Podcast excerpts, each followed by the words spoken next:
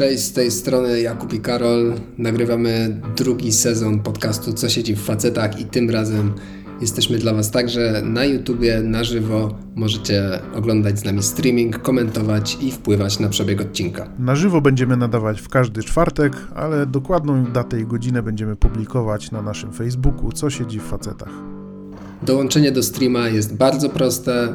Znajdziecie link na stronie Facebooka, dajecie klik, oglądacie i możecie być z nami w kontakcie. Jedno się na pewno nie zmieni.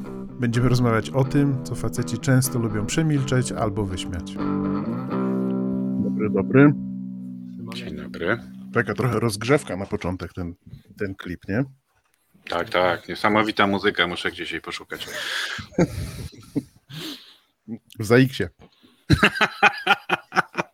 A to nie znam, to nie znam. witamy, witamy serdecznie. Dzisiaj mamy gościa, a naszym gościem jest Marcin. Marcin Ilski. Sam o sobie mówi życzliwy sceptyk, Tak. sceptyczny trener Mhm. i kilka jeszcze epitetów o nim słyszałem. Nie wulgarnych. No dobrze.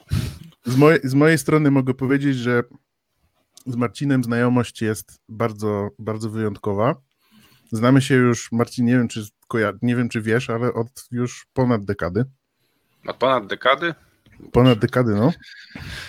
Był, był rok 2009, proszę pana, to jest już ponad dekada. Tak, 12 lat. No.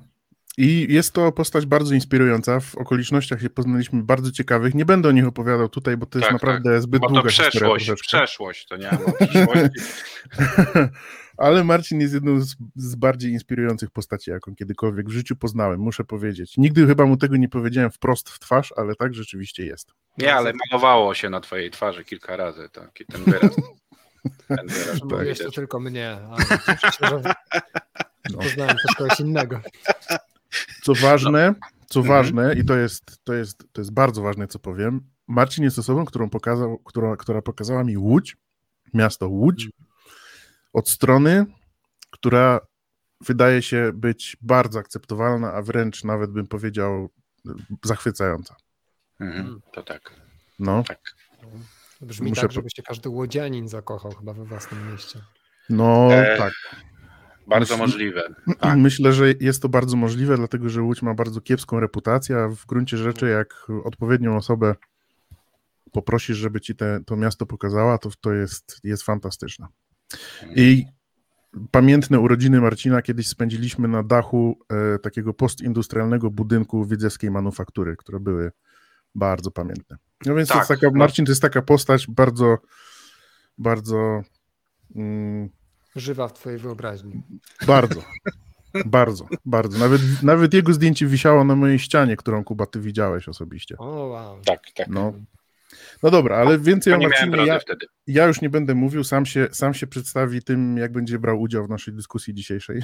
będzie chyba, chyba będzie najlepsze. No. Mój pies postanowił. Dzisiaj jest Dzień Psa, także... Dzień psa, no właśnie, więc musimy uczcić. e, tak, i dzisiaj będziemy o przyszłości rozmawiać. Tak. Tak, o przyszłości. Co W zasadzie jutro? to. Już jest piątek. No tak, tak. Jest taka historia, którą akurat Marcin napisał, bo go obserwuję w kilku miejscach i akurat to napisał na LinkedInie jakiś czas temu, chyba w zeszłym tygodniu, Mhm. która jest fantastyczna i dotyczy bardzo dzisiejszego naszego dzisiejszego odcinka. E, Jest to historia o konduktorze i smoluchu. O, Marcin, może, może powiesz tą historię, bo to jest e, dość krótka, a jednak taka bardzo odnosząca się do naszego dzisiejszego spotkania. E, St- Stanisław Grawiński, jeden z najlepszych i zapomnianych już trochę e, e, pisarzy grozy przedwojennych e, polskich, e, pochodzący z Lwowa. E, Czytałem kiedyś książkę o nim i wydał mi się fascynującą postacią, a poza tym w dzieciństwie pamiętam, e, e, że jedno z jego opowiadań znajdujące się w jakiejś antologii fantastyki e, zrobiło na mnie bardzo duże wrażenie. I po latach wróciłem do takiego zbioru opowiadań, mm, i to była opowieść o konduktorze, ponieważ autor miał ogólnie potężną obsesję na punkcie kolei, bardzo często na kolei umieszczał swoje opowiadania. I to jest opowieść o konduktorze, który widział Smolucha właśnie, czyli Smoluch to była taka postać, która zawsze mu e, mm, go informowała o tym, że za chwilę nastąpi katastrofa. Mm.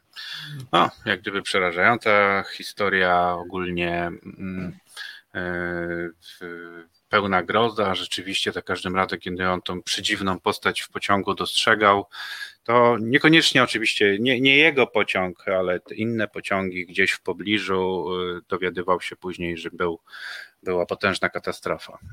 I pewnego dnia on zobaczył tego smolucha jakoś tak wyjątkowo blisko siebie, że doszedł do wniosku, że to jest ten moment, w którym to on wreszcie e, będzie miał tą szansę uczestniczyć e, w katastrofie kolejowej i być może bohatersko w niej zginąć. E, natomiast no, zaczęły się psuć pewne rzeczy e, z perspektywy jego wizji katastrofy. To jest bardzo ciekawe.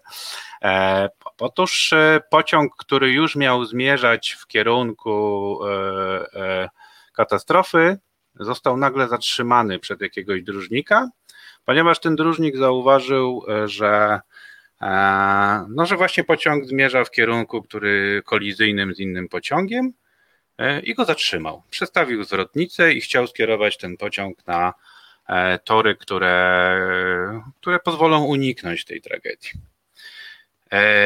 Obsesyjnie przywiązany do wizji tego, że Smoluch zawsze mówi mu prawdę i zawsze doprowadza do właściwego finału spraw, że nigdy go, nigdy go nie oszukał nie zdradził i tak dalej, i tak dalej. E, tenże konduktor w, po różnych szamutaninach, teraz tutaj oczywiście skracam specjalnie na potrzeby do tego, wysiadł i specjalnie sam przestawił z powrotem zwrotnicę na e, tor kolizyjny i z olbrzymią dziką, szaleńczą radością podążył w drogę na spotkanie z przeznaczeniem, czyli na katastrofę.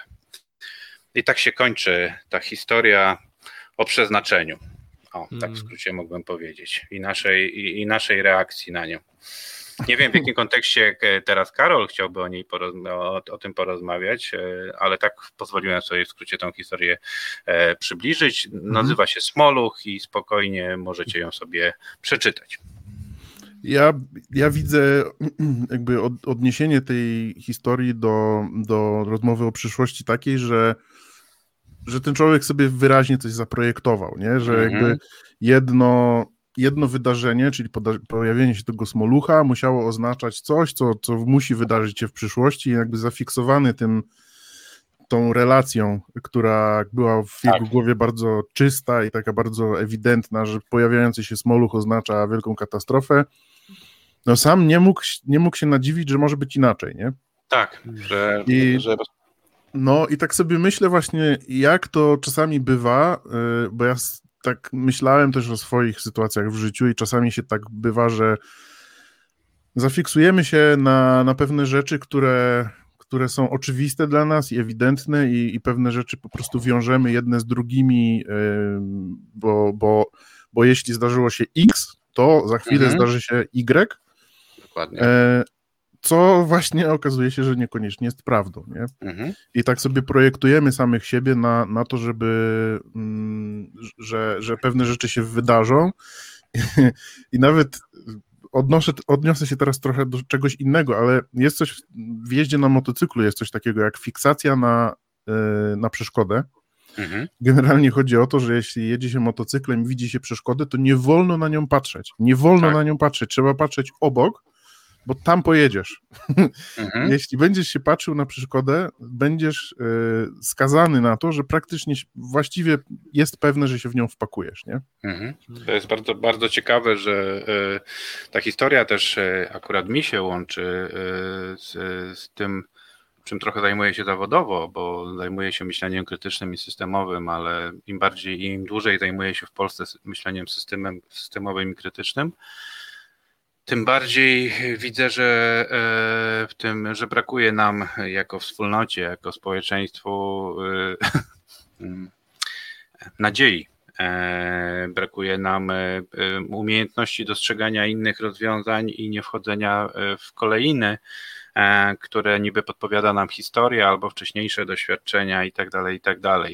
Jest takie fajne powiedzenie, które ja mam na to, że zresztą ono jest potwierdzone licznymi licznymi doświadczeniami i badaniami, że przecież e, warto e, sobie uświadomić, że wciąż o wiele, o wiele mniej rzeczy się wydarza niż mogłoby się wydarzyć. I co to znaczy?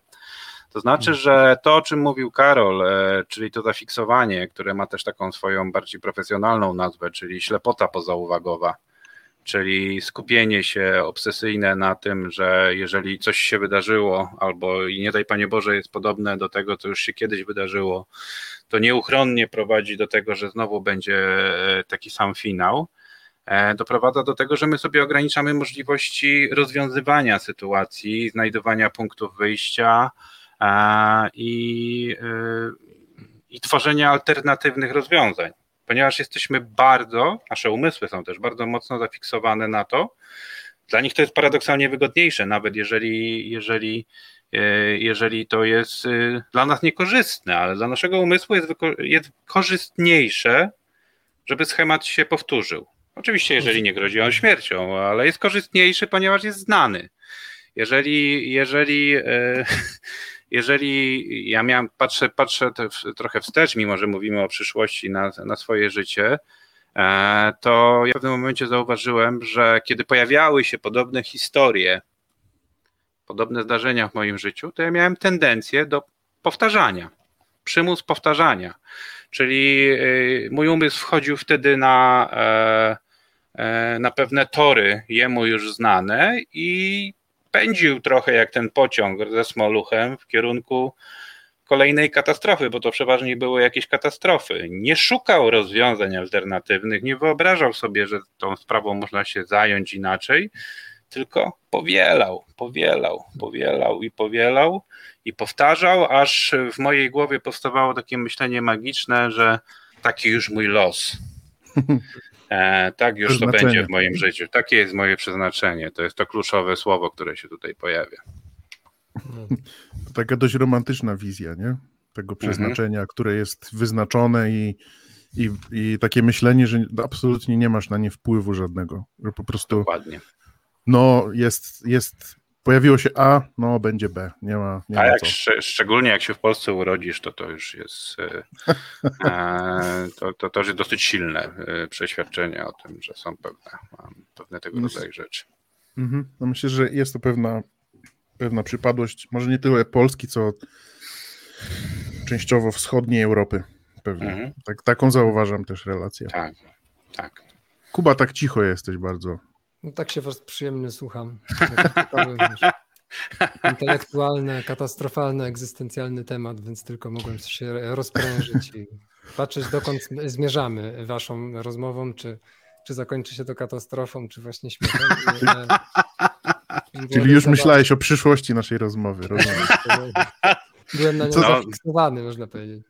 Ta, ta, ta przyszłość jeszcze jest nieznana, kurczę. Nie, nie, dokonaliśmy jeszcze pewnych wyborów. E, jesteśmy tutaj, ale wciąż jest sporo ścieżek, których żeśmy nie uruchomili. Na przykład twoje pojawienie się niespodziewane ze stwierdzeniem, że zmierzamy w kierunku katastrofy jest takim wezwaniem i jeżeli my z Karolem nie zachowamy się jak ten konduktor, to może unikniemy, może ty będziesz tym dróżnikiem, który zatrzyma e, ten pociąg rozpędzony, pędzący na zderzenie z innymi podcastami i wprowadzisz nas na zielone łąki wolnych e, torów wyborczych.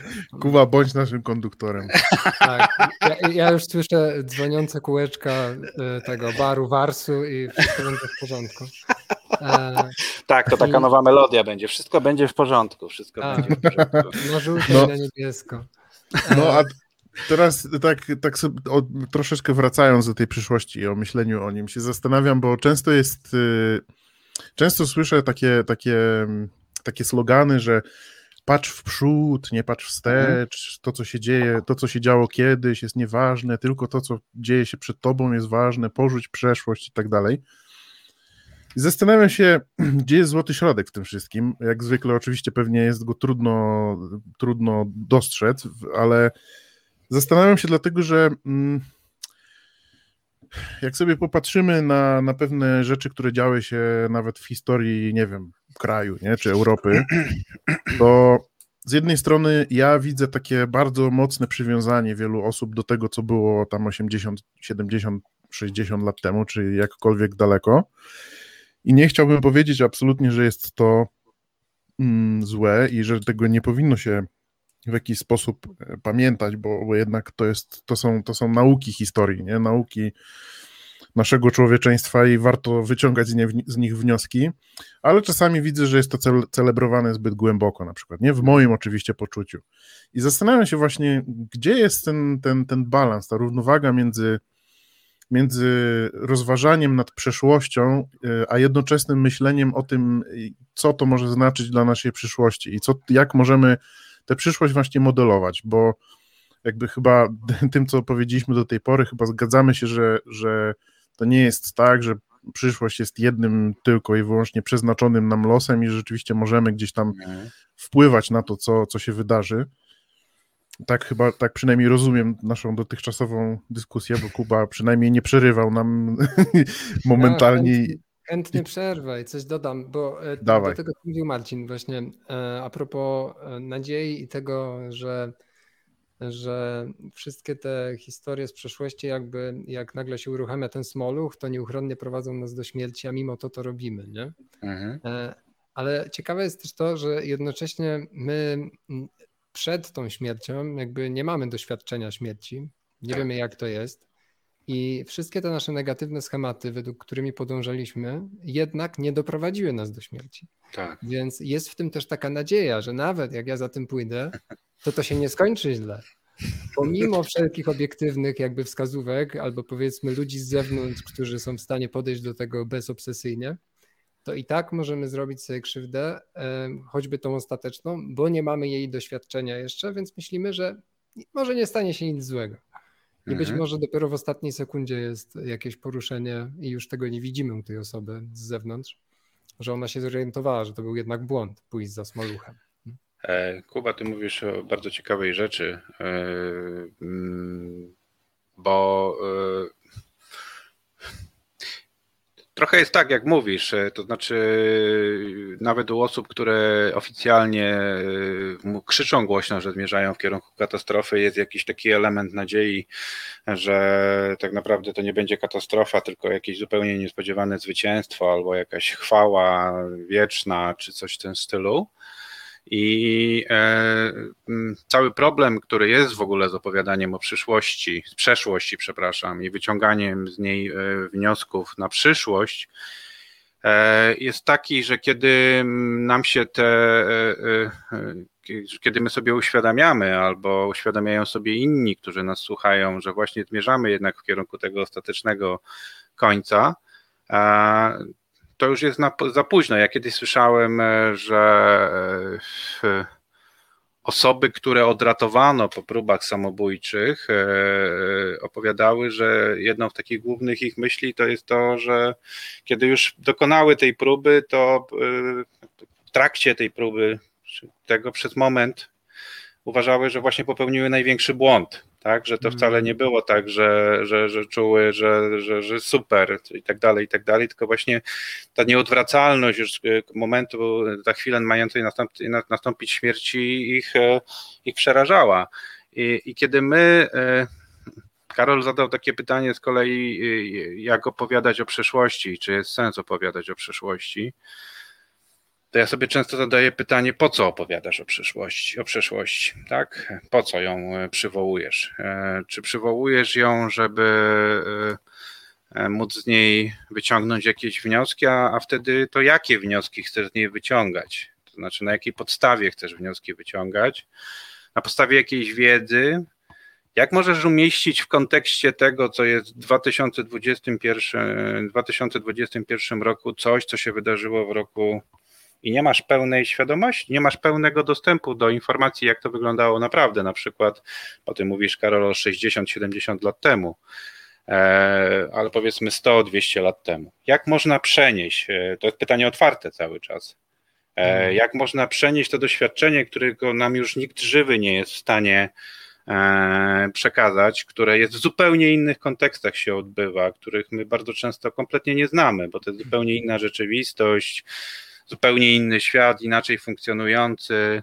Nawet jeśli Eee. znamy, to, to jest, jest nam trudno zrozumieć po prostu. Nie? No, trudno zrozumieć i mówimy, co to była za głupota, albo co to było za, za ach, jakie to było niesamowite z drugiej strony, jakie to było odważne i tak dalej, i tak dalej. My jako Mhm. ludzie mamy tendencję na przykład też, kiedy no, no, no, no, starsze historie opowiadają się na, opierają się na wspomnieniach i zapisach. Te zapisy często to nie jest podanie faktów. My mamy takie przeświadczenie ze współczesności, które się zmieniło dopiero chyba gdzieś w czasach pandemii. Zobaczyliśmy, że zmyślamy, zmyślamy na potęgę jako ludzie, więc e, e, bardzo często te dokumenty historyczne, te wspomnienia też są zmyśleniami, jak e, nie tyle, że nie, niekoniecznie kłamstwami świadomymi, ale spojrzeniem na daną sprawę i opowiadaniem jej z perspektywy y, własnego punktu widzenia, własnego stanu, w którym się było, to kiedy e, teraz w Polsce się mocno odkrywa i mówi o tym, że przecież nie ma żadnych aż tak mocnych dokumentów, które by mogły opisywać życie chłopów, chociażby, czy bardzo często temat. kobiet. Trochę przełamie temat e, takim, taką wrzutką, że jak to pięknie zobaczyć, jak nadać Polakom, trzem facetom młodym temat o przyszłości i będzie katastrofa, śmierć, przeszłość, daleka przeszłość, czas zaprzeszły. No tak wiesz. Tak. najpierw, najpierw trzeba przez to błoto przebrnąć troszeczkę, nie? Żeby, Mhm. żeby móc myśleć o, tym- o czymś pozytywnym. Tak a propos No, to, co powiedziałeś to o jest tych- fajna, fajna refleksja, no tak. No i To jest to, co Marcin powiedział o tym, że jest trudno nam nawet zrozumieć kontekst pewnych rzeczy. To ostatnio przeczytałem i to jest takie, taka ciekawostka ty, tylko, że w XVIII wieku, bo my mamy takie wyobrażenie, że kilkaset lat temu to szlachta piła wino i niczym więcej się nie zajmowała i że, że to picie wina czy tam miodu pitnego to było, to było takie zajęcie, oni byli non-stop po prostu nawaleni, nie? Mhm. A prawda jest taka, że okazuje się, że mm, naukowcy zbadali wielkość kieliszków wina i ona od XVIII wieku wzrosła siedmiokrotnie. Mhm. To wyobraź sobie, ile czasu musieli pić taką samą ilość wina wtedy. No i widzisz, i teraz... kieliszek wina, ile musieli I to jest, pić, tak? widz- to, jest, to jest znowu to jest kontekst, którego my po prostu nie jesteśmy w stanie zrozumieć zupełnie, dopóki nie dowiemy się takiego prostego szczegółu, nie?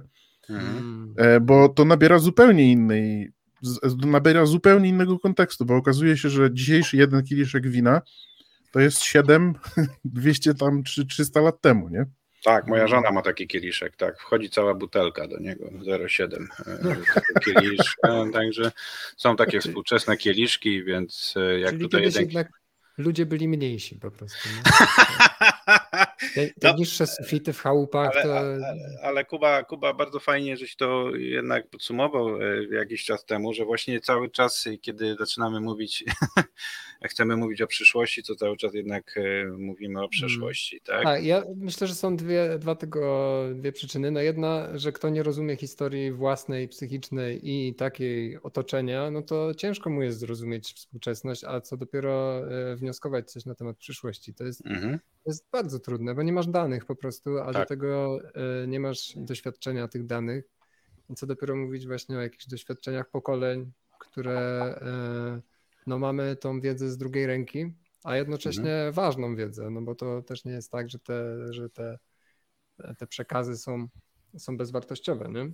Mhm. E, A z drugiej strony jest jeszcze drugi aspekt tego, to, że ten, ta pogoń taka za śmiercią, czy jest ponadczasowa po prostu i ona nie ma takiego umocowania dzisiaj, czy, czy tam za czasów szlachty, czy jak będziemy wszyscy, wiesz, latać na dronach po mieście, to, to, to jest to samo, nie? E, Mhm. Tylko w innych okolicznościach trochę wydarzy się to, że według mnie ten cały smoluch i właśnie ta, ta chęć takiego zabicia swojego ego, swojej tożsamości, takie, taka ch- chęć przeżycia, odrodzenia, jakiegoś katarzis poprzez śmierć i, i, i odżycia tak naprawdę na nowo, em, jest czymś mega, wiesz, co można spotkać dzisiaj u swoich znajomych, jak się z nimi pogada głębiej, nie?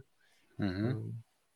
Zresztą to jest dla mnie ciekawe, ogólnie chyba jakieś dwa dni temu sobie o tym myślałem, gdzieś idąc y, okopową. Jakoś coś mi to przyszło takiego do głowy, że e, mm, no, zdarza się. Jestem Polakiem, mam 48 lat, myślałem przez chwilę o śmierci. Hmm. I, I co ciekawe, że kiedy sobie wyobraziłem sobie siebie, nie wiem, gdzieś pozytywny scenariusz 80-letniego i zastanawiałem się, mm, jak mogłoby wyglądać moje myślenie o przyszłości w momencie, kiedy ja mam 80 lat. Tak? No bo 80 lat to w zasadzie można sobie myśleć, że stare, starość, lada moment jednak. Jak e, mówi moja mama od 20 lat, ostatnia prosta. Ostatnia A. prosta i tak dalej, i tak dalej, albo ostatni, ostatni odcinek ostatniej prostej. I przyszło mi coś do głowy, co mnie zaskoczyło, ale tutaj pewną inspiracją jest moja szanowna 80-letnia teściowa, która kompletnie w, otwarcie, w rozmowach e, e, nie, nie, przywołuje tematu śmierci, ale nie, nie tyle z, z takiego jakiegoś silnego lęku, tylko raczej z perspektywy tego, że ona niesamowicie e, e, e, żyje wizją, że jednak jakaś przyszłość przed nią jest jeszcze. Hmm. E, bo i kiedy ją obserwuję i porównuję to z doświadczeniami związanymi z obserwowaniem moich już świętej pamięci rodziców, to ja zauwa- to widzę taką, e, widzę takie, takie połączenie polegające na tym, że oni w pewnym momencie przestali myśleć o przyszłości. Oni już czekali. Poddali się trochę. Hmm. Oni już czekali.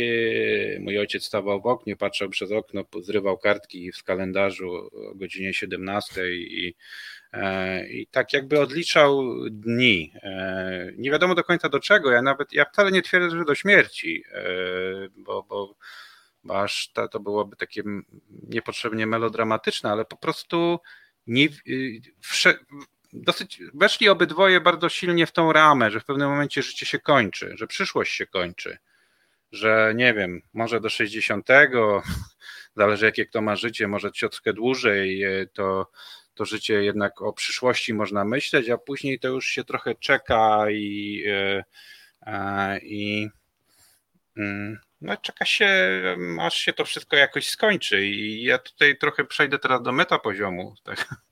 Czyli do polskiej polityki na chwilę. I myślę sobie, że ponieważ polską polityką w pewnym sensie jednak rządzą starsze osoby, a jak powiedziałeś o metapoziomie, to już chciałem powiedzieć, o, jak cudownie, ale chyba inaczej rozumiemy metapoziom.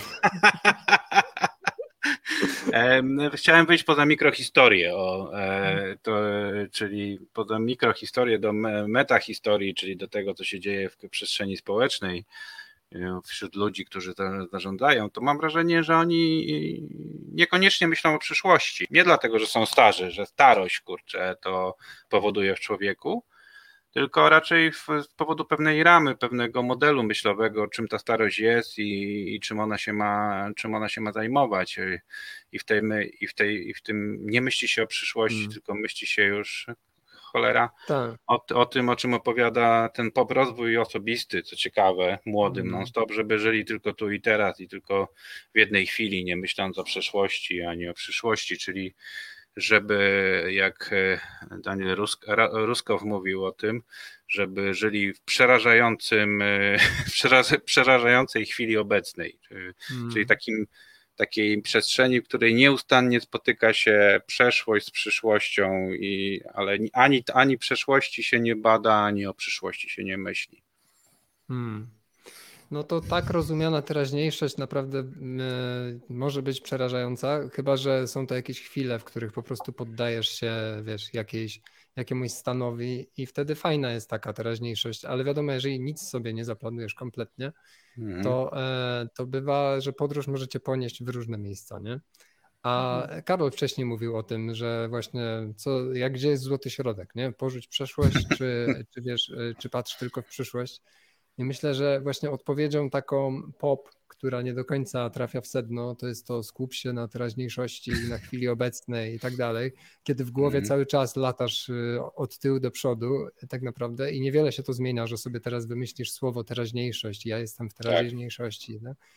ale jak najbardziej tam podejście poznaj siebie y, i swoją historię, i poznaj swoje możliwości, co możesz w przyszłości, dokąd możesz zajść, jak się teraz czujesz i co teraz cię blokuje, czego nie rozumiesz z przeszłości, a co cię blokuje do swoich marzeń. i poznawaj siebie natrętnie i długo i do końca i jeszcze bardziej, to wtedy to już wtedy nie jest taki temat, czy, czy ja mam porzucić przeszłość, czy patrzeć tylko w przyszłość, tylko w stronę integracji jakiejś, nie? Mhm. I, i, ja myślę, że jest jedna taka, e, taka nieudana strategia, którą powtarzamy sobie często, to jest, żeby podchodzić do życia bardzo mm, planowo, czyli że albo masz takie nadplanowanie i tak. później zaczynasz zauważać na starość, że już ci brakuje czasu na realizację marzeń, a poza tym one już nie są takie ekscytujące, no bo też zmysły mhm. ci gorzej funkcjonują. A mniej się mówi o tym i mniej przygotowuje nas do tego, żeby bardziej intencjonalnie podchodzić do dnia i do swoich przyszłych lat i do swojego kolejnego roku, że bardzo chodzi o intencje. Mhm. Bardzo chodzi o te wyjście ze środka do tego, co ty chcesz dać na zewnątrz i co chcesz wziąć z zewnątrz, żeby to była jak najlepsza wymiana w otoczeniu. I oczywiście i dobrze jest planować, i dobrze jest mieć intencje, i na tym musi być równowaga. To nie jest znowu tak, nie planuj nigdy, tylko żyj intencjonalnie, nie? nic z tych rzeczy. Mhm. Ale mało jest edukacji na ten temat intencjonalności, więcej na temat planowania, jeśli już. Nie? Mhm. Bo wtedy jest, wiesz, takie, takie to są ramy społeczne też, nie? Taka punktualność społeczna, że o tutaj w tym wieku to już powinno być to, to, to, to. E, tu praca, tu dom, tu już jak jeszcze nie masz tego, no to znaczy, że się spóźniłeś, nie? coś ci w życiu nie idzie w takim razie. Um, I ta równowaga pomiędzy intencjonalnością a planowaniem jest, myślę, fajnym spojrzeniem na przyszłość, bo też wtedy tak czujesz, że, że czas tobą nie steruje aż tak bardzo. A jak czas tobą nie steruje, to nie masz tego, tej pogoni za śmiercią wtedy, nie? Mhm, mhm. I smolucha. No. Nie wiem tak dokładnie, jak, jak, jak, jak, jak, jak tą intencjonalność definiujesz. To znaczy, że jakbyś trochę więcej mógł powiedzieć. Kubo. Pewnie. Ja ją sobie tak definiuję, tak jakbym miał zaczerpnąć ze środka. Nie? Jak to Tomasz Lis był złapany z tym, nie? A teraz powiem coś z głowy, nie? I wiesz, i wypowiedzieć z głowy te rzeczy, które rzeczywiście chciałbym dzisiaj robić, żebym wiedział, że ten dzień przeżywam z, z czymś, co nadaje mi sens, że ja wiem, że sensownie y, na, na swoją modłę, na mój subiektywny taki, wiesz, aparat oceny, że wykonuję to, co warto dla mnie zrobić. Nie? Mhm. Że to mhm. y, na różnych poziomach ze mną funkcjonuje y, i wartości, i duchowym, i takim właśnie sensu, czy duchowym. Nie? I, I bardzo tej części słuchać i zapytać się, ok, jakie są ograniczenia, żeby ją realizować? E, I jakie są, kto może mi pomóc w tym, w realizacji tego? Mhm. E, co się stanie, jeżeli ja będę to realizował przez kolejne 5 lat? Co się stanie, jeżeli nie będę w ogóle tego realizował? I wtedy masz takie poczucie, e, nie wiem, dla mnie to jest takie poczucie wpływu, w którym jest sporo takiej radości, która jest trochę efektem ubocznym. Mhm. I więc wtedy też nie gonisz swoimi planami za radością, co, co też trochę ściąga z tych planów ciężar, bo plany niekoniecznie są od tego, nie? Plany według mnie są takie, że wiesz, kiedyś będziesz miał inny stan ciała, na przykład nie będziesz mógł wykonywać już tego, tego i tego. Więc może zaplanuj życie tak, żebyś był wtedy bezpieczny, no żebyś przetrwał jakoś tym planem, nie? Mhm. Ja wam powiem taką historię dotyczącą tego, co, e, co Kuba powiedział, tej intencjonalności i trochę po, w połączeniu tym, co powiedziałeś ty, Marcin, o tym, że twoi rodzice trochę tak jakby czekali na nie wiadomo co, nie? Tak, ja, ja to czekanie na nie wiadomo co, to trochę nazywam takim poddaniem się. Pod, poddaniem się takim, wiesz, że wywieszasz białą flagę, e, e, mentalnie jesteś pogodzony z tym, że już nic nie osiągniesz, że już nic ciebie nie czeka w życiu. Mhm. E, I mam taką sytuację mm, w, w, bliskiej rodzinie, w której, która e, to, jest, to była moja ciotka i mój wujek. Ciotka niestety już świętej pamięci, ale wujek nadal żyje i ma się dobrze, którzy w swojej wsi zaangażowali się w organizację koła gospodyń wiejskich. Nie? I z tego koła gospodyń wiejskich e, przekształciło się to w stowarzyszenie, w pełnej krasie tego, tego słowa, normalnie stowarzyszenie zarejestrowane i tak dalej, które po prostu dało tym ludziom sens. Mhm. dało ludziom sens, bo to, to po pierwsze, ono łączyło pokolenia, bo to było Stowarzyszenie Miłośników Wsi, w której mieszkali i tam były, mm, członkami tego stowarzyszenia były od małych dzieci do seniorów z tej, z tej wsi, czyli do, do ludzi w wieku 80+. Plus. E, I tak jak można by pomyśleć, że właśnie moja ciotka z wujkiem wyprowadzili się na tą wieś w takim późniejszym wieku, tam chyba byli, nie wiem, po- podejrzewam około pięćdziesiątki, e, kiedy się tam wyprowadzili, e, to można by powiedzieć, że zaczęli, zaczęli wieść taki tryb życia emerytów pod tytułem właśnie byle dzień minął trochę, nie? Mhm. telewizja, pielenie grządek, gotowanie obiadu i właściwie no byle dzień minął, nie? Nagle się, bo nagle powstało to koło gospodyń wiejskich, które zostało później stowarzyszeniem i nagle się okazało, że tak naprawdę w tych ludziach jest naprawdę, mają głębokie pokłady sensu, tego, że coś może mieć sens, nie? Że, Mm. że to nie jest tak, że oni się poddali, oni po prostu wpadli w jakiś schemat, ale jak dało im się na, na takiej trochę srebrnej tacy rozwiązanie pod tytułem, patrzcie, możemy zrobić to, to, to, to, jeszcze to, jeszcze to, jeszcze tamto, to oni się po prostu zaaktywowali i zaangażowali w, w, w sposób, którego można by się nie spodziewać. Nie? Wujek, który miał wtedy już pod 70, a na pewno po 60 był grubo, e, okazało się, że po prostu, wiesz, za, za, zaczął śpiewać. Normalnie Mhm. występowali na jakichś tam, wiesz, zjazdach kół gospodyń wiejskich albo różnych e, dziwnych okazjach, dożynkach i tak dalej i on po prostu śpiewał, wiesz, wy, e, emerytowany pułkownik e, lotnictwa polskiego, nie, wychodził na scenę w, ubrany za, za Mieczysława Foga i śpiewał jego piosenki, nie, Mhm.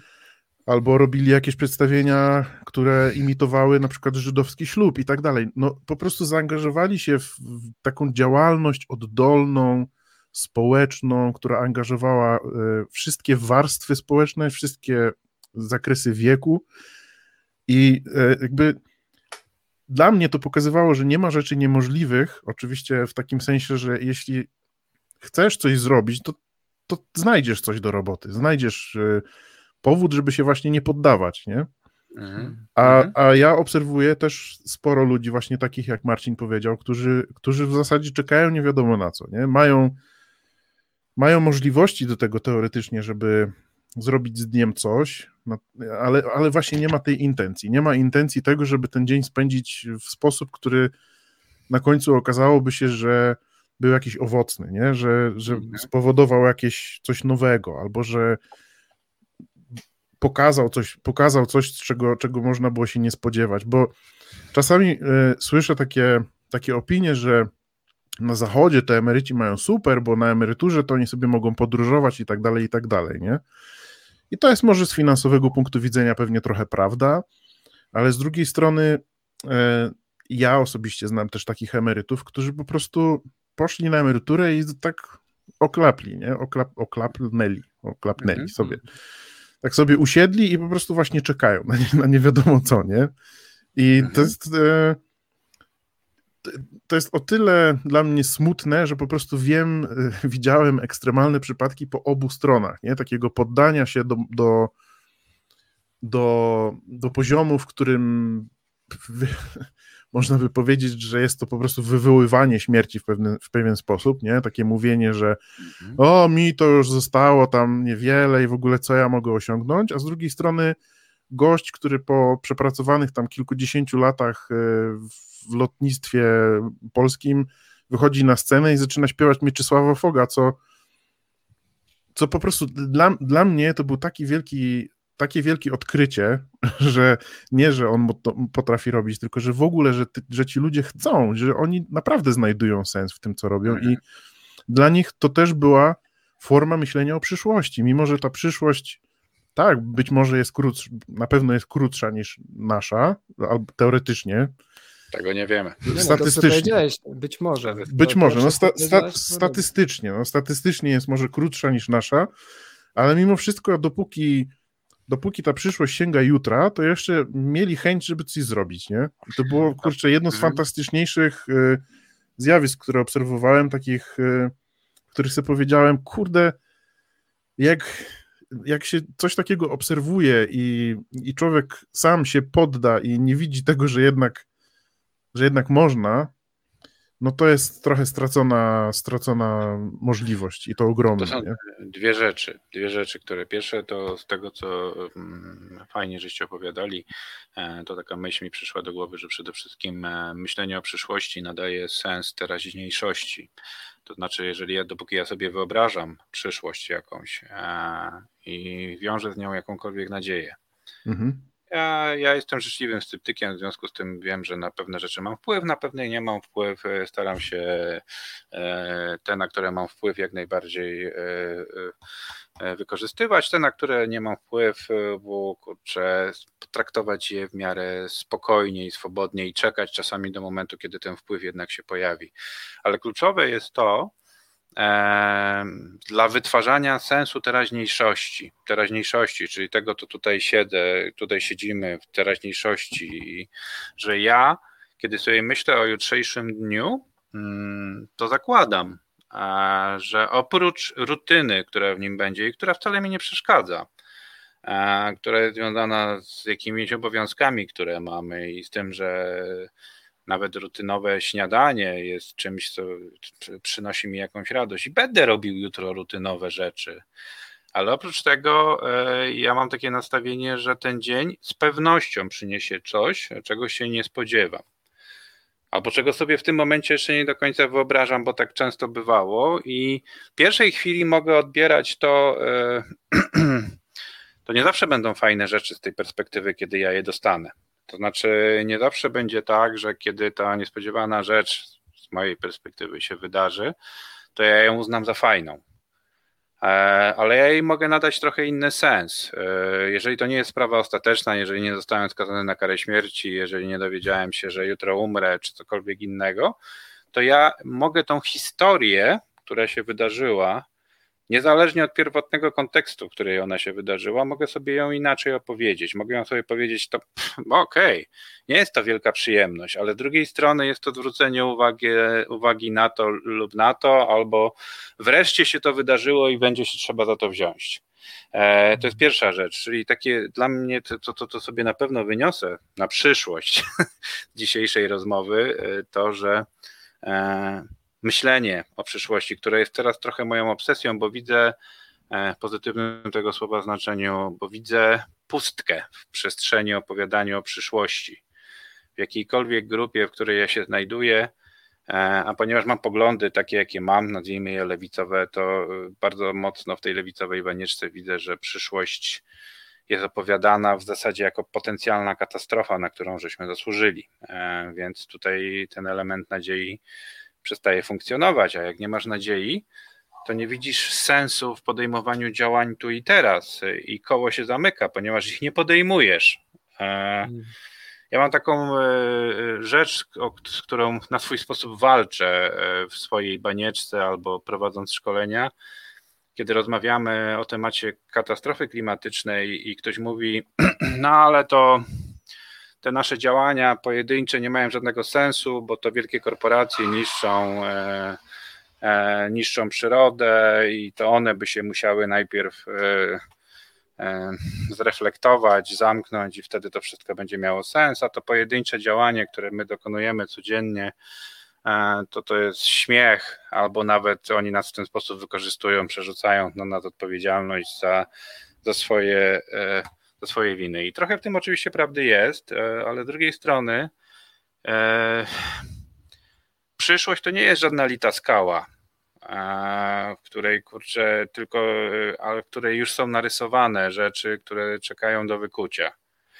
Przyszłość jest kurczę złożona z, bar, z bardzo mikro często decyzji, o których nie wiesz, w ogóle nie wiesz, czy mają wpływ na innych ludzi. A ponieważ nie wiesz, czy mają wpływ na innych ludzi, czy zmieniają świat, kurczę, Muranów, Warszawę, Szwajcarię, kurczę, cokolwiek innego, to tym bardziej na spokoju możesz je podejmować, tak? Czyli możesz segregować sobie te śmieci, albo kurczę, przestać jeść mię- mięso, czy cokolwiek innego robić, czy gadać o tym z ludźmi, nie dlatego, że zbawiasz świat, tylko dlatego, że dokonujesz mikrodziałania, o którym nie wiesz, jakie przyniesie skutki, a ponieważ może żadnych, albo może takie, których nigdy w życiu nie zobaczysz, ale ponieważ jest w nich nadzieja, że one kogokolwiek lub cokolwiek mogą zmienić, to one absolutnie są warte, e, warte podjęcia, warte, wa, wa, wa, warte, warte działania. Tak, ja tą przestrzeń niewiedzy na ten temat, o którym mówisz, e, wypełniam sobie w taki sposób e, sztuczny, być może, dla mnie bardzo prawdziwy, że jeżeli te mikrodecyzje, nie wiem jaki będą miały wpływ, ale ja, jeżeli nimi dbając o naturę w jakimś sensie, czy o ekologię i tak dalej, jakimiś takimi rzeczami, które mogą, wiesz, w ogólnym odbiorze właśnie przez to, że tutaj wybuchają jakieś bomby pod oceanem, tutaj, wiesz, się kończy piasek do robienia cementu, który tak. się wypala w jakiś niesamowity i to wszystko po prostu niszczymy w jakimś sensie, to przez to, jeżeli ja chociaż działam w taki e, sposób e, dbający o przyrodę, to nawiązuję z nią indywidualną relację. Mhm. I ci, którzy nawiązują z nią relację w inny sposób, to to jest ich relacja również. Mhm. Jest, jest pewna przestrzeń wspólna, ale ta indywidualna relacja również jest. I istnieje szansa, nie wiem tego, że jeżeli ja dbam o naturę, to ona też zadba o mnie. Mhm. I e, to daje mi taką nadzieję na to, że jednak te moje mikrodecyzje, choćby się wydawały, nie wiem, bezprzed, nie wiem jak to powiedzieć, ale przedmiotowo nieważne, e, czy mało istotne na globalną jakąś tam katastrofę, czy jej uniknięcie, to jednak dla mnie dają mi samopoczucie bezpieczeństwa. Mhm. E, ja, ja, ja, ja tutaj może pójdę jeszcze dalej. Ja, ja, nie wiem, dla mnie doświadczenie pandemii jest doświadczeniem bardzo wyraźnym pokazania, że to nie jest tak, że my na siebie nie wpływamy.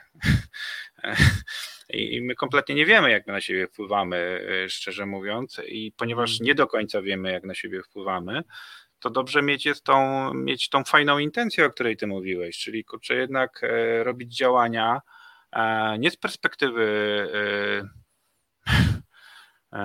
podejmowania tylko tych działań, o których efektów, których efektów jesteśmy pewni, bo hmm. w ten sposób do niczego się nie dochodzi. Y, mało rzeczy jest pewnych. Oczywiście niektóre rzeczy są bardziej prawdopodobne, tak jak mówił Karol, statystycznie powinniśmy żyć wszyscy we trójkę dłużej niż moja teściowa. Statystycznie. Hmm. Statystyka też pokazała, że nie opisuje nam całego życia, że liczby nam całego życia nie opisują, e, więc e, to nie jest głupawa nadzieja, jak mm. niektórzy czasami się boją o tym mówić, że, że, że mieć nadzieję w dzisiejszych czasach to nie być realistą i tak dalej. To jest, jeżeli cokolwiek ma się ruszyć, to pierwszą podstawową rzeczą jest tworzenie e, opowieści, takimi jesteśmy istotami, to nas trochę różni od innych zwierząt, bo też jesteśmy zwierzętami. Opowieści, które ludziom dają jakieś nadzieję, nawet kurczę najmniejszą, bo jeżeli człowiek nie czuje żadnej nadziei, nie wyobraża sobie żadnej przyszłości, to, jest, to są to naczynia sprzężone, to ona nie powstaje. Nic się nie dzieje. To, to co, o czym Latour dużo mówi, że E, to, co go, za co go spotka Bruno Latour, za co go spotkało mnóstwo, e, mnóstwo uszczypliwych e, i ironicznych uwag. On mówi, a co gdybyśmy sobie zaczęli myśleć o pewnych rzeczach, że fakty wcale nie, nie są odkrywane, tylko wytwarzane.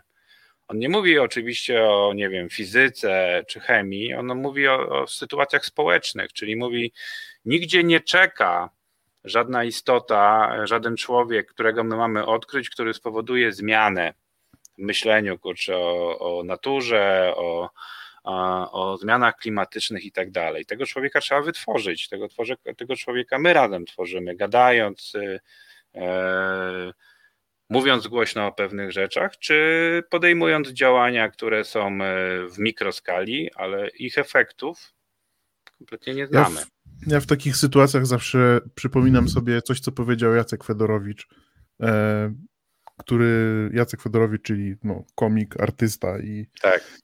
wielki satyryk. E, on kiedyś został zapytany, to było w grubych, e, w grubych czasach PRL-u, to były podejrzewam lata 70. Został zapytany, jak on odnajduje w sobie taką, taką siłę satyryczną i siłę tego, żeby postrzegać świat pozytywnie, w tak przygnębiających czasach. E, I on powiedział: Nie rozumiem pytania. I tam dziennikarka go ciśnie, nie? że no, że PRL, że brudno, że szaro i tak dalej. A on mówi, PRL? Półtora metra wokół mnie PRL nie istnieje. I Mhm. on, on to tłumaczył w taki sposób, że, że, ta, o, że on ma wokół siebie taką bańkę, którą tworzy i która oddziałuje bezpośrednio na, na ludzi, których spotyka. I tylko na tych ludzi, których spotyka. I na nic więcej. I że on się nie czuje, e, że jest jakimś takim wielkim trybem w ogromnej machinie, który ma bezpośredni wpływ na cały świat, ale że na pewno ma wpływ na, na tych ludzi, których spotyka i że ja sobie myślę, że ta cała narracja, która w tej chwili się odbywa na temat kryzysu klimatycznego, ona jest przygnębiająca strasznie, bo sobie do, ostatecznie uświadamiamy sobie, że rzeczywiście to jest tak, że jeśli ja, czy ja wyrzucę papierek na ziemię teraz, czy ja nie wyrzucę papierka na ziemię teraz, to w ujęciu globalnym może to faktycznie znaczenia nie mieć. Tak. Natomiast e, jak sobie myślimy tylko i wyłącznie o tym global, o, tym globa, o tej globalnej perspektywie, w której jesteśmy jakimś e, małym trybikiem w ogromnej machinie, no to to jest przygnębiające, no bo faktycznie nie mamy poczucia sprawczości żadnego, nie mamy poczucia, że jesteśmy w stanie na coś wpływać, podczas gdy e, no właśnie, spotykamy ludzi, spotykamy mnóstwo, no może nie teraz w czasach pandemicznych, ale spotykamy jednak coraz więcej ludzi, spotykamy ludzi na co dzień i my mamy na nich wpływ, dlatego że Mhm. to, w jaką my energię niesiemy, jaki my mamy komunikat do tych ludzi, jak, jak my im będziemy przedstawiać swój świat, ma bezpośredni wpływ na to, jak może wyglądać moja, twoja, nasza przyszłość, dlatego że czasami jest tak, że jedno zdanie wystarczy wypowiedziane w jakiejś rozmowie, które po prostu zapala taki ogień w, w innej osobie, który potrafi, wiecie, no, roz, rozpalić coś do, do czerwoności i, i zmienić całkowicie, e, całkowicie wiele rzeczy. I Mhm. ja sobie zawsze myślę właśnie tak, że, że to jest ogromny błąd w sposób, w jaki, sposób w jaki mówimy o kryzysie klimatycznym i o tym, że, że ludzie nie mają wpływu. Okej, może nie mamy wpływu globalnie. No, faktycznie tym, że wezmę słomkę papierową zamiast plastikowej, nie wpłynę na to, że w oceanie jest tam miliony ton e, śmieci, nie? Ale w, z drugiej strony, jeśli ja będę wykazywał jakąś postawę, którą, do której jestem przekonany i będę pokazywał tym ludziom najbliższym, z którymi mam na co dzień kontakt, czy tam nawet nie musi być na co dzień, z którymi w ogóle mam kontakt i będę w tym konsekwentny, to to jest jakaś postawa, na którą można spoglądać i się zastanawiać. Zgadzam się z nią, nie zgadzam się z nią, ale jest to konsekwentny jakiś taki komunikat mówiący ludziom, patrzcie, ja tak żyję, czerpcie z tego, jeśli chcecie, mogę na ten temat porozmawiać, mogę się tym podzielić chętnie i tak dalej, ale nie, nie, nie robię z siebie tutaj teraz Walenroda yy, całej, całej ludzkości, nie będę bohaterem całej ludzkości, po prostu yy, jestem bohaterem tego swojego najbliższego kręgu w taki sposób, że to jest jedyne, na co mogę wpływać. Że nie Ja jesteś się- wtedy bohaterem ludzkości, ale jesteś bohaterem człowieczeństwa wtedy. Mhm. No nie wszyscy jesteśmy prezydentem Stanów Zjednoczonych, który faktycznie ma wpływ na, na, na rzeczy, które się dzieją na całym świecie, chociaż też pewnie bardzo ograniczony, ale mimo wszystko, do, dopóki mamy wpływ na, na tych ludzi, z którymi, z którymi mamy kontakt i, i, No. I my możemy czerpać od nich, a oni mogą czerpać od, na, od, od nas, to jest, to jest super i wydaje mi się, że to jest jedyny wpływ, na który powinniśmy patrzeć chyba. Mhm. To No, jest trochę ja jeszcze. To, no. Powiem tylko, że powiedziałeś o tym zdaniu, które jest w stanie rozpalić człowieka y, i takich zdań można usłyszeć pewnie, wiesz, co roku jakieś jedno albo co parę lat we własnym Mhm. życiu. E, Ja ostatnie, które wciąż e, się we mnie tli od ostatniego rozpalenia, to usłyszałem jakieś um, 10 miesięcy temu bodajże. Um, kiedyś o tym wspominałem przy jednym z naszych odcinków, ale e, ktoś powiedział mi przy, po takich długich rozmowach a propos tego, co moglibyśmy robić w życiu i w ogóle, powiedział mi zdanie: Nie pozbawiaj innych ludzi siebie. I, e, i to zdanie e, zapoczątkowało u mnie prowadzenie wielu zajęć. I dalej ciągnie się na przykład ostatnio z tym, że wyszedłem z robieniem masaży do ludzi, stąd widać tutaj ten stół, co w ogóle po prostu zaczyna jakby zmieniać tą, powiedzmy, rzeczywistość wokół mnie, bo mija miesiąc e, wiesz, ludzi, którzy zostali wymasowani, czy dotknięci przeze mnie, czy którzy, na których wywarłem w jakiś sposób pozytywny wpływ przez to, bo taki feedback też dostaję, e, staje się to czymś rzeczywistym, a nie tylko konceptualnym i takim, wiesz, że fajnie by było. Mhm. I jak widzisz, że to działa już od miesięcy na przykład, nie? Widzisz, mhm. jak inne rzeczy, które po tamtym tekście się stały przez te 10 miesięcy, to tym bardziej no po prostu przestajesz na to patrzeć jak na jakieś takie, wiesz, że pogadajmy sobie, a to jest tylko czcza gadanina, a ktoś ci coś powiedział. Nie, nie, nie, to jest w stanie um, zmienić świat. I, e. a przynajmniej ten wokół ciebie, a jeżeli wokół ciebie, no to jeżeli u innych, to też dobrze, nie? Tylko, że nie mhm. wszyscy koniecznie chcą zmieniać świat w taki sam sposób. I teraz fiksowanie się na efekt, fiksowanie się na efekt, nie? I bardzo dobrze oczywiście, byśmy się pozbawili, wiesz, piękna na świecie poprzez pozbawienie się różnorodności, to, to nawet jeżeli ludzie nie wszyscy chcą żyć pokojowo, nie? No dobra, bo to, bo to jest coś, do czego często ludzie dążą. Um, tacy powiedzmy świetli, że, że chcieliby przynajmniej, no bo po co te wojny, nie? To przecież nie ma sensu na przykład, nie? Gdzieś tam, powiedzmy. Przecież można się dogadać, nie? Można usiąść i hmm. porozmawiać. Mamy wystarczająco zasobów, po co to wszystko? No ale tak jest. I teraz zafiksowanie się, żeby tak to ustało nagle, też jest taką lekko nierealistyczne, według mnie, żeby do tego stopnia ciągnąć swój idealizm, no bo się to zamienia w utopię i, i wtedy jest to fajne opowiadanie, ciekawa narracja i tak dalej ale czy do urzeczywistnienia? No, historia pokazuje inaczej. Fajnie by było, gdyby było inaczej. Oczywiście.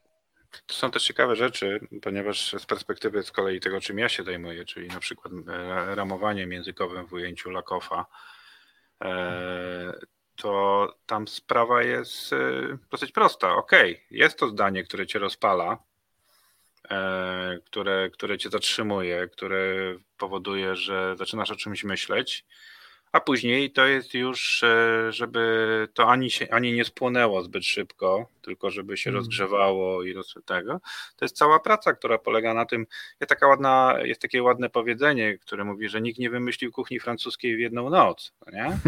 To, to znaczy, że nikt nie obudził się i nie powiedział, kurczę, wiem jak to robić. E, I to jest też na płaszczyźnie kompletnie fizycznej, ponieważ żeby pojawiło, żeby mózg przyswoił sobie nową ideę, to się musi połączyć, po, pojawić połączenie nerwowe, które kurczę, będzie tą nową ideę przetwarzało. Mhm. E, I żeby to się działo, to pewne rzeczy muszą być mówione przez jakiś czas, tak? Przecież to wykorzystują reklamy. E, marketing to wykorzystuje bardzo mocno, czyli wszędzie widzisz gdzieś coś, do czegoś się przyzwyczajasz, znaczy ciągle o tym myślisz i tak dalej. I my się skupiliśmy trochę na negatywnym efekcie, który z tego wynika, że na przykład kupujemy rzeczy, których nie chcemy, albo oglądamy filmy, które są do dupy, kurczę, ostatecznie się okazuje, ale były wszędzie reklamowane.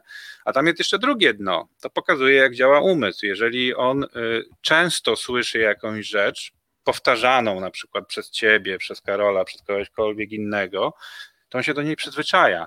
On na początku może to uznawać za bzdurę albo może uznawać to za nierealne, ale później e, ale jest później zaczyna czas. uznawać to za bezpieczeństwo. Przede wszystkim, nawet jeżeli, nawet jeżeli się z tym nie zgadza, nawet jeżeli się z tym nie hmm. zgadza, to mówi, no dobra, no jest takie, no rzeczywiście.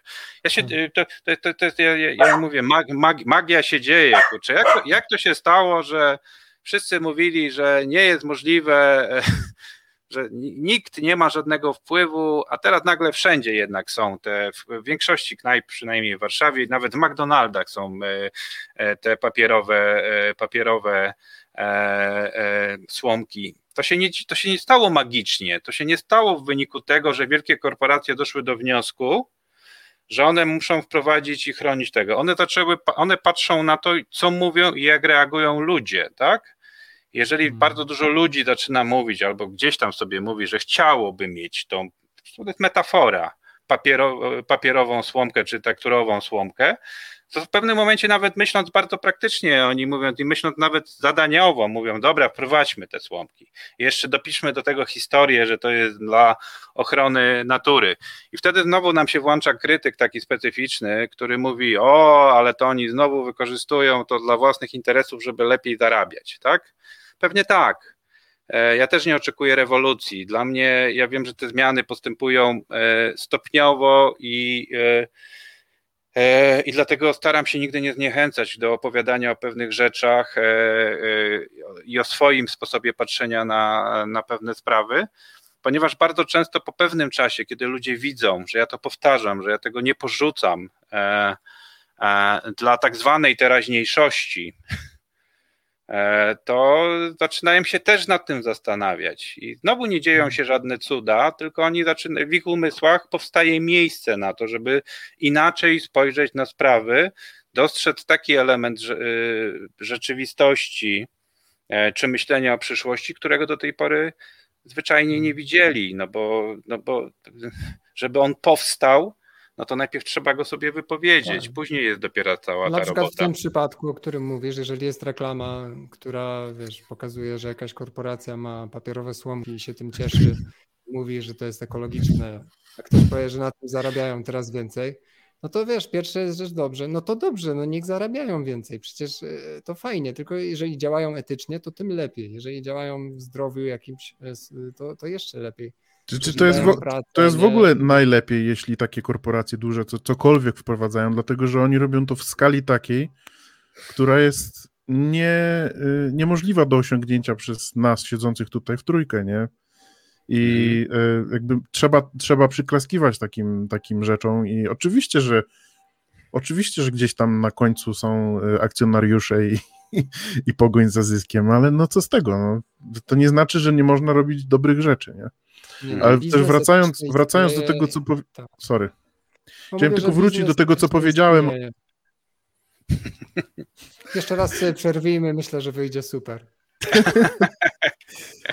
Chciałem wrócić tylko do tego, co powiedziałem wcześniej, że jedno, wystarczy czasami jedno zdanie, żeby rozpalić. To, co powiedział Marcin, jest bardzo kluczowe. To oczywiście musi być. E, można kogoś rozpalić, ale to musi, musi być e, po, jakby popchnięte ogromną pracą. To, to może być tylko inspiracja, ale to oczywiście nie, e, nie zastępuje mm, nie zastępuje tego, co z tym dalej trzeba zrobić, bo gdyby tak było, to e, patrząc na tysiące uczestników takich wykładów motywacyjnych przez, przez coachów i tak dalej, to mielibyśmy tysiące czy miliony noblistów w Polsce, nie? Hmm. E, I oczywiście no, rozpalić można bardzo łatwo osobę, ale potem, żeby też utrzymać e, jakby konsekwentność działania i to, żeby, żeby te osoby cokolwiek z tym zrobiły, no to już jest inna sprawa. To jest zupełnie po, poboczny wątek. Nie? Tak, tak. Tym już się zajmują sceptyczni trenerzy. Tak, zdecydowanie. Zdecydowanie no, się ja... zajmują sceptyczni. Takie trzy e, fajne fazy ostatnio wyłowiłem e, z takiej książki Jak e, mniej myśleć, którą bardzo polecam po raz kolejny. Gdzie właśnie jedna to jest ta faza, albo można powiedzieć, że to są takie osoby, które działają w pewnych fazach projektu. Że pierwsza to jest marzyciel, którego właśnie tak można rozpalić, zwłaszcza mhm. jeżeli dawno nie marzył. To takie teksty, chwyty właśnie motywacyjne działają. Sky mocno. is the limit. No, totalnie. Połóż się w parku i zobaczysz w chmurach swój najnowszy projekt, nie? Kasa, wiesz, jest wszędzie. I żeby coś wymyśleć, żeby sobie odpuścić i żeby te pomysły przychodziły same, że to też jest ważny moment, ten słomiany zapał też jest istotny. Później przychodzi e, ten, druga osoba powinna dojść do głosu albo przekazać się i robi handoff, nie? Że, e, e, dla realisty takiego, który wiesz, jest w stanie usiąść na tyłku i powiedzieć, dobra, ekstra, marzyciel, jesteś wspaniałym gościem, który przyniósł mi mnóstwo fajnych rzeczy.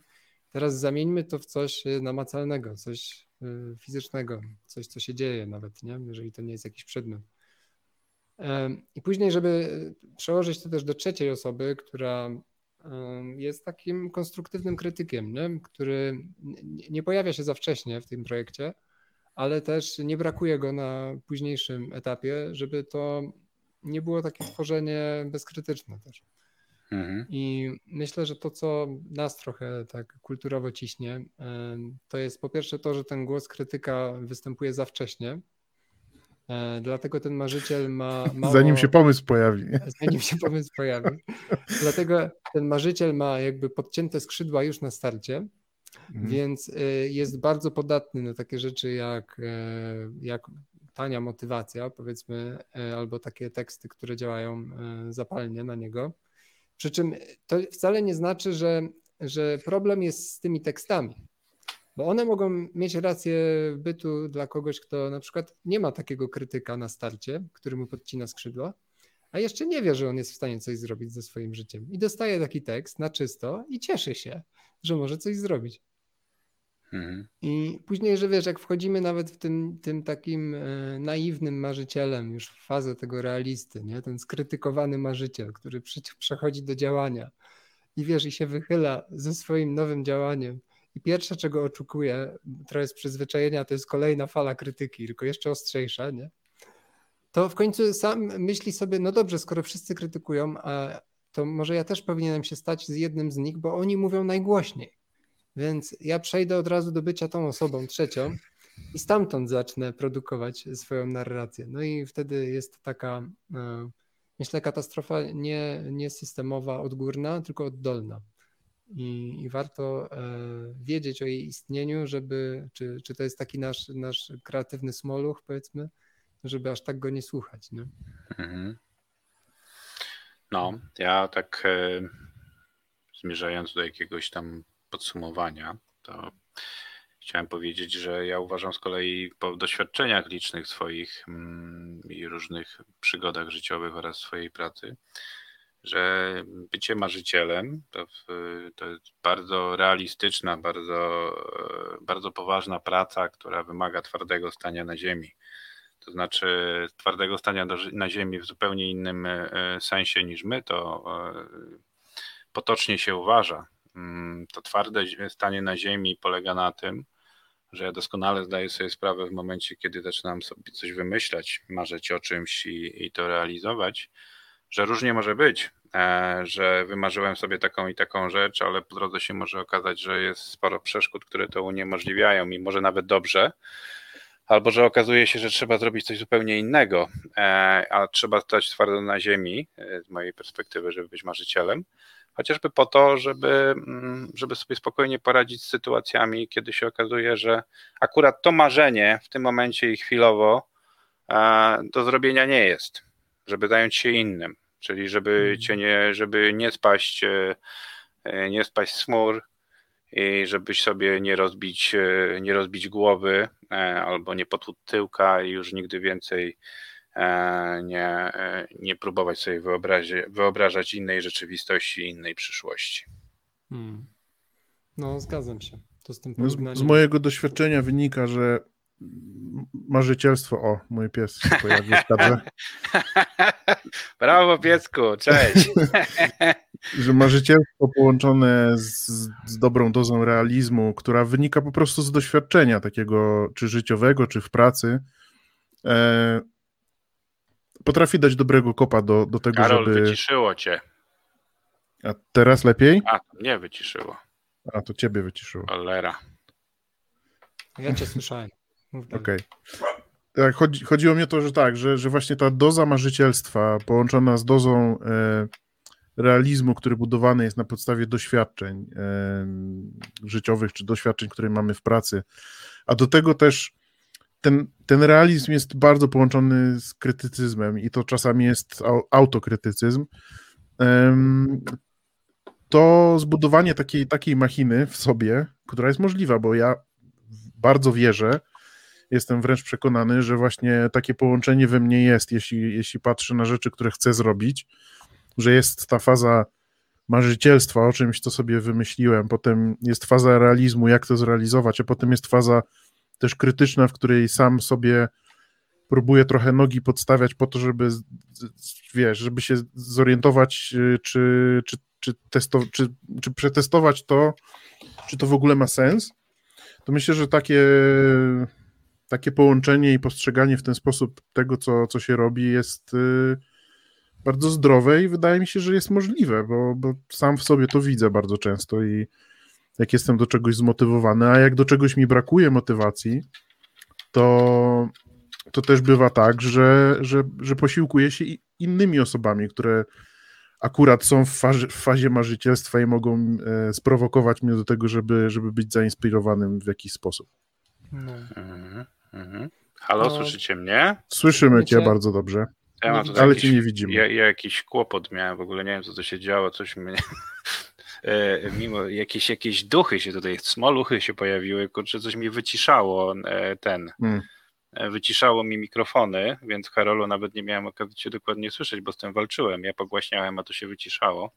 A teraz, a, a, a teraz, a teraz, a teraz mnie wywaliło, kurczę. Żeby skracając dla ciebie, Marcin, powiedziałem, że, że te wszystkie fazy marzycielstwa, realizmu i, i krytyczności można odnaleźć w samym sobie, że jak się je odnajdzie, to są one takie połączenie tego wszystkiego jest bardzo dobrym kopem do tego, żeby rzeczy, różne rzeczy robić i że jak, czasami braku, że jak czasami brakuje komuś tej fazy marzycielstwa, bo, bo w samemu w sobie w jakimś tam projekcie, czy w, jakimś, w jakiejś rzeczy, którą chce zrobić, e, samemu sobie nie przerobił, to że można to odnaleźć w innych osobach i dlatego też jest bardzo ważne, żeby o takich rzeczach z ludźmi po prostu rozmawiać.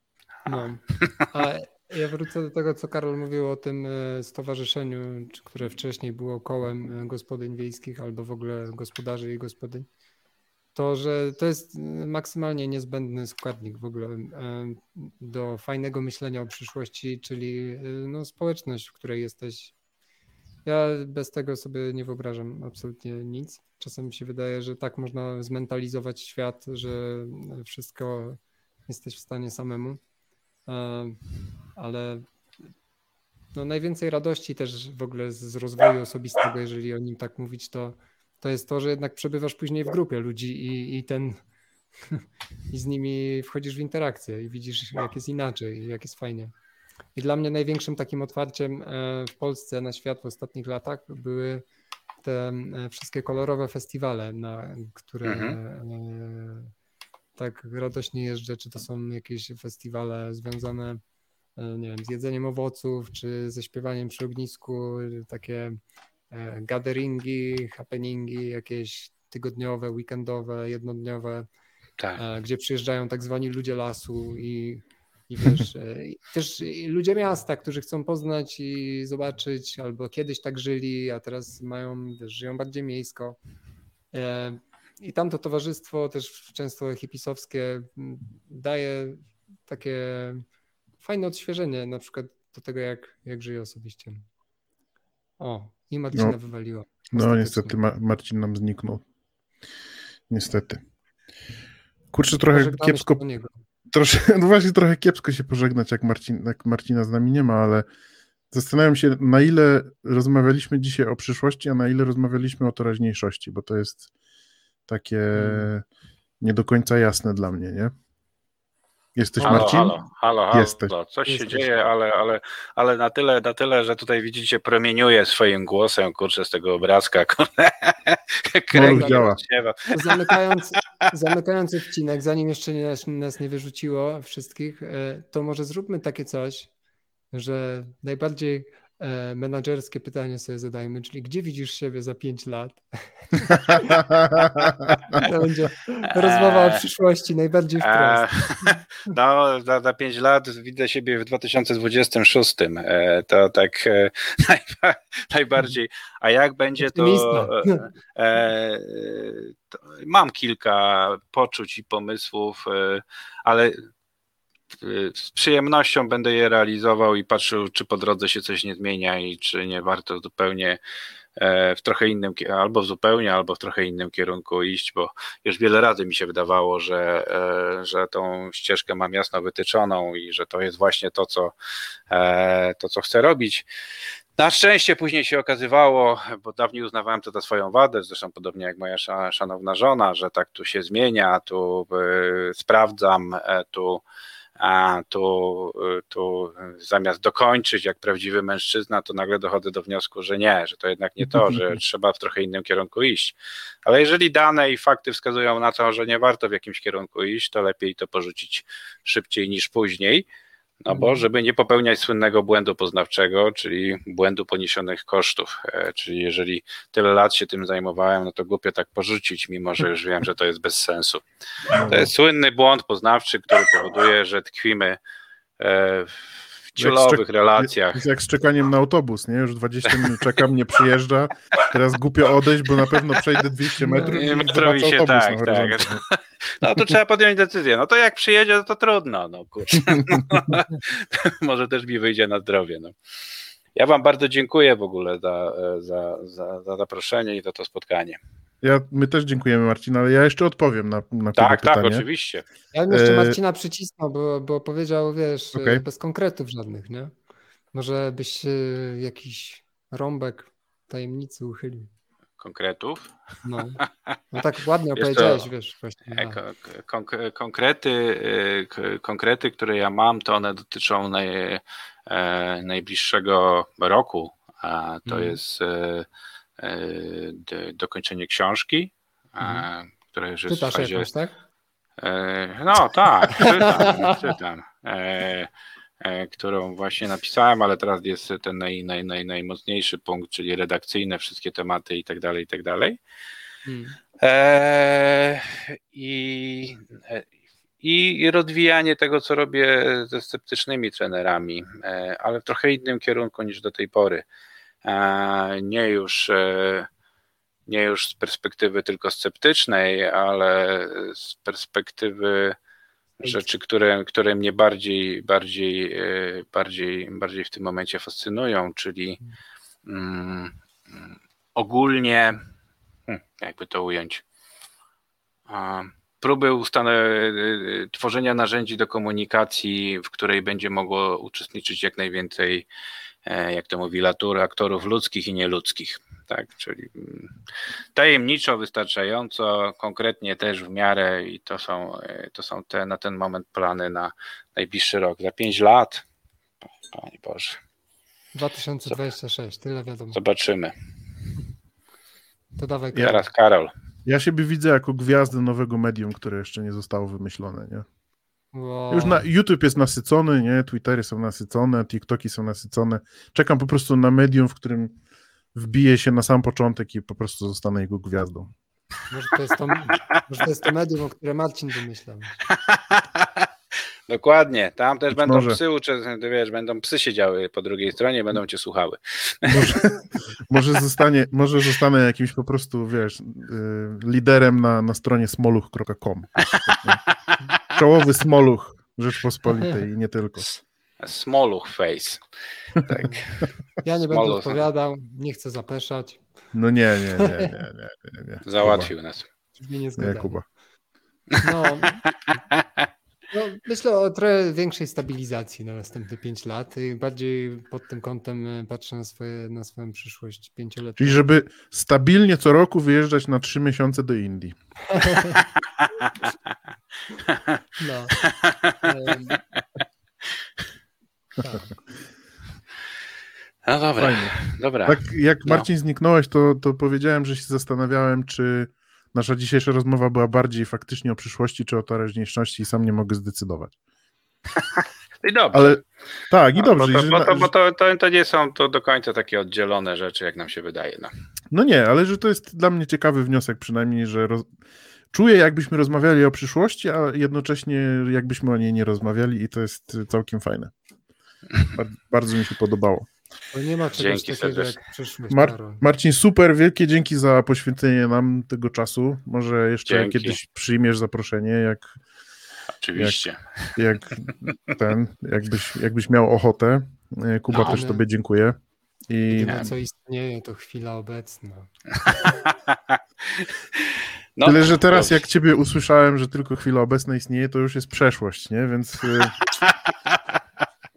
Nie wiem o czym mówisz. Półtora metra dookoła mnie wciąż teraz to jest jak, jak, jak trochę z tą zagadką, to jest jak z trochę z tą zagadką z, z filmu Życie jest piękne. Jesteś, nie, jest, a jak wypowiesz jej imię, to znika. Aha. To jest trochę jak z tą chwilą A, no, no, obecną, no, nie?